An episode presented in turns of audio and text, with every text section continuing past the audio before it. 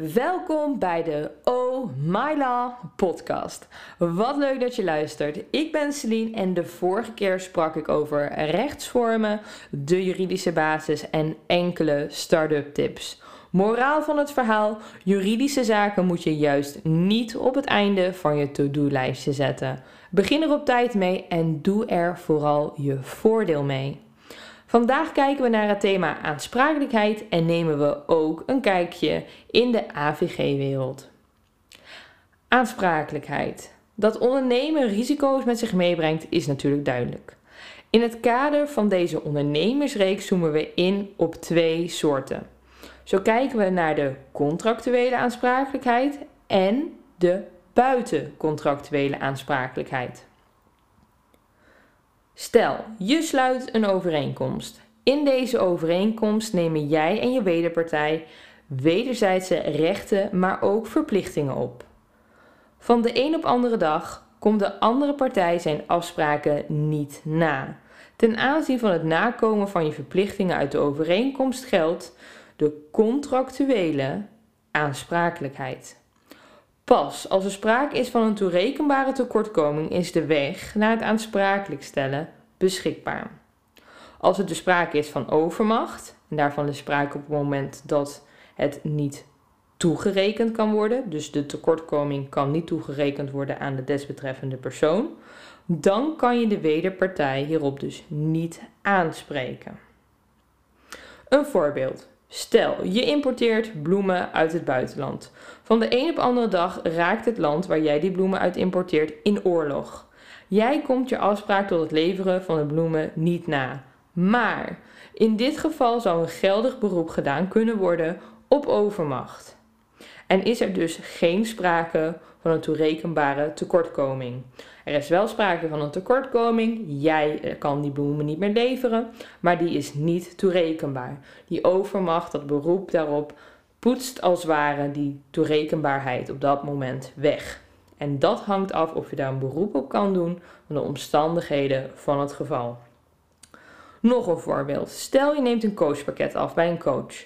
In het contract staat dat je 12 sessies, één handboek en één werkboek krijgt. Je bent inmiddels 6 coaching sessies verder, maar hebt nog steeds geen werkboek en handboek ontvangen. Op dat moment is het verstandig om de wederpartij aan te spreken om alsnog nakoming te realiseren. Komt de partij, wederpartij hierna nog steeds niet zijn afspraak na, dan heb je een toerekenbare tekortkoming in handen en kan je overgaan tot actie. Kleine tip: Overeenkomsten kunnen zowel mondeling als schriftelijk gesloten worden. Maar je voelt het waarschijnlijk al aan. Als je wilt bewijzen dat de ander zijn verplichtingen niet nakomt, dan kan zo'n zwart op wit overeenkomst net het verschil maken. Maar hoe kan je iemand aansprakelijk stellen zonder dat je een contract met hem of haar hebt? Daar hebben we het schitterende artikel 6.162 BW voor. Dit is het favoriete artikel van de gemiddelde rechtenstudent naast het artikel van de redelijkheid en billijkheid. In het kort zegt dit artikel op het moment dat jij een onrechtmatige daad pleegt die toerekenbaar is, dan dien jij de schade die is ontstaan in dat verband ook te vergoeden. Dit noemen we ook wel de onrechtmatige daadactie. Alleen het feit dat jij iets onrechtmatig vindt, hoeft nog geen onrechtmatige daad te zijn. De onrechtmatige daad kent namelijk een aantal vereisten. Op de eerste plaats moet er natuurlijk sprake zijn van onrechtmatigheid. Die kan bestaan uit een inbreuk op een recht, een doen of nalaten in strijd met de wettelijke plicht, een doen of nalaten in strijd met hetgeen dat volgens ongeschreven recht in het maatschappelijk verkeer wordt betaamd. Die laatste categorie is echt een enorme categorie. Dus in concreto, niet iedere inbreuk levert per definitie een onrechtmatige daad op. Hij moet dus in een van de bovenstaande categorieën die ik net had benoemd vallen. Het volgende vereiste is de toerekenbaarheid. De onrechtmatige daad moet toerekenbaar zijn. Hier kan bijvoorbeeld sprake van zijn als de dader schuld heeft of als het in zijn of haar risicosfeer ligt. Natuurlijk komt er nu ook even een open deur. Er moet natuurlijk ook sprake zijn van schade. Er moet natuurlijk schade zijn. Maar goed, wat is schade? Helaas geeft onze wet geen definitie van het begrip schade. Daarentegen is wel opgenomen dat de schade die op grond van een wettelijke verplichting tot schadevergoeding moet worden vergoed in, let op, vermogensschade en ander nadeel. Met dit laatste, ander nadeel, wordt vaak bedoeld immateriële schade. Vervolgens het volgende vereiste, de causaliteit. Persoonlijk het thema causaliteit één van mijn favorieten. In het kort, wat is dat? Nou, er moet een causaal verband zijn tussen de oorzaak, de onrechtmatigheid en het gevolg, de schade. Een mooi voorbeeld dat we hierbij kunnen geven, stel, de gemeente heeft een nieuw voetpad aangelegd. Jij loopt over dit voetpad en struikelt omdat de tegels bij de weg niet goed vastzitten. Daardoor val je op de weg en word je daarbij ook nog eens aangereden door een bus waar 50 studenten in zitten. Eén student in de bus, die was vandaag van plan om naar zijn ouders te gaan en had zijn Python Piet meegenomen in zijn rugzak. Door de knal komt Piet vrij en wurgt deze de buschauffeur. Tja, zoals je het al hoort, is hier heel veel schade ontstaan in korte tijd. Het begon allemaal met een stoeptegel van de gemeente. Maar doordat het zoveel individuele elementen zijn, kan het soms ook lastig zijn om de causaliteit vast te stellen. Zo zie je maar dat het thema causaliteit niet zo simpel is zoals het lijkt. En het zou natuurlijk niet mijn vak zijn als er niet nog een vereiste bij het rijtje hoorde. En ja, daar komt hij: de relativiteit. Dit houdt kort gezegd in dat de overtreden norm strekt tot bescherming van het geschonden belang. Indien niet voldaan is aan dit vereiste, dan is er ook geen verplichting tot schadevergoeding. Een hele belangrijke dus. En als je nu luistert als rechtenstudent, dan weet je vast en zeker wel welk arrest hierbij hoort. Heel goed, het tandartsenarrest.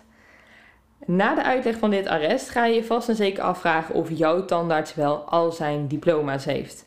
Dit arrest is een klassieker. Het ging namelijk om tussen aanhalingstekens een tandarts die van mening was dat hij het wel goedkoper en beter kon doen dan de andere tandartsen.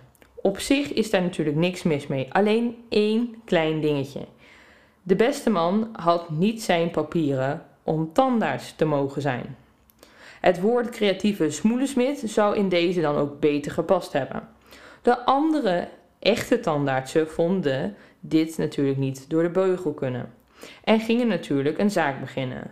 Ze kwamen bedrogen uit. Het is wel namelijk onrechtmatig om zonder diploma het beroep tandarts uit te oefenen. Echter, deze norm dient ter bescherming van de patiënten en niet de, ter bescherming van de concurrent tandartsen. Maar goed, we hebben nu het thema aansprakelijkheid geheel uitvergroot. Maar jij wilt natuurlijk weten hoe kan ik de risico's beperken? Het antwoord is zo simpel als dat die complex is. Duidelijke afspraken waarbij je aansprakelijkheid op een evenredige wijze verdeelt, is natuurlijk één ding. Maar het is ook belangrijk om te kijken naar een strategie waarbij je dus weet wat je moet doen op het moment dat die risico's zich aandienen. Waarin de aansprakelijkheid geheel of gedeeltelijk wordt beperkt, noemen we een exoneratiebeding. Is zo'n exoneratiebeding altijd geldig? Nee. Sterker nog, ik zie vaker dat ze onderuit gaan dan dat ze in stand blijven. Maar hoe krijg je zo'n exoneratiebeding eigenlijk onderuit? Nou, dat kan bijvoorbeeld zijn als die in strijd is met de goede zeden, onredelijk bezwarend is of onaanvaardbaar naar maatstaven van redelijkheid en billijkheid. Er hangen dus echt wat haken en ogen aan zo'n exoneratiebeding. Daarom is het belangrijk om een evenwichtige juridische bepaling te hebben in je voorwaarden en of overeenkomsten. En daarbij is het moraal van het verhaal: kom je afspraken na en leg ze goed vast, zodat het niet eens zo ver hoeft te komen. Een andere manier om de risico's te verkleinen is het kiezen van de juiste rechtsvorm. In de tweede aflevering sprak ik over verschillende rechtsvormen en hun voor- en nadelen. Een mooi voorbeeld is de BV. Deze kent het schild van rechtspersoonlijkheid, waardoor je aansprakelijkheid in beginsel kan beperken. Verder zijn er natuurlijk ook nog de risico's van het vak. Dit noemen we ook de risicoaansprakelijkheid. Om deze reden hebben veel ondernemers een beroepsaansprakelijkheidsverzekering. Maar een andere manier of een aanvullende manier om ook de risico's te beperken ten aanzien van jouw vak is een gestructureerde bedrijfsaanpak. Dat was het thema aansprakelijkheid voor nu. Vorige week zag je heel even het thema privacy statement.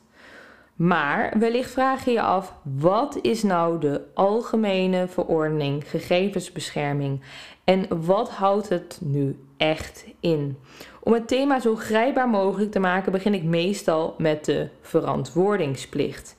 Net zoals in de wet staat dat je niemand mag vermoorden, staat ook in de wet dat jij als ondernemer de plicht hebt om te voldoen aan de privacyregels. En dat start dus bij het afleggen van verantwoording over hoe, wat, wanneer, op welke grond en in welke mate je gegevens verwerkt. Daarbij is leidend dat jouw verwerking rechtmatig, transparant, doelgericht en juist is. En omdat we niet meer in het jaar kruik leven, moet je daarbij ook de juiste technische en organisatorische maatregelen nemen om de gegevens te beschermen.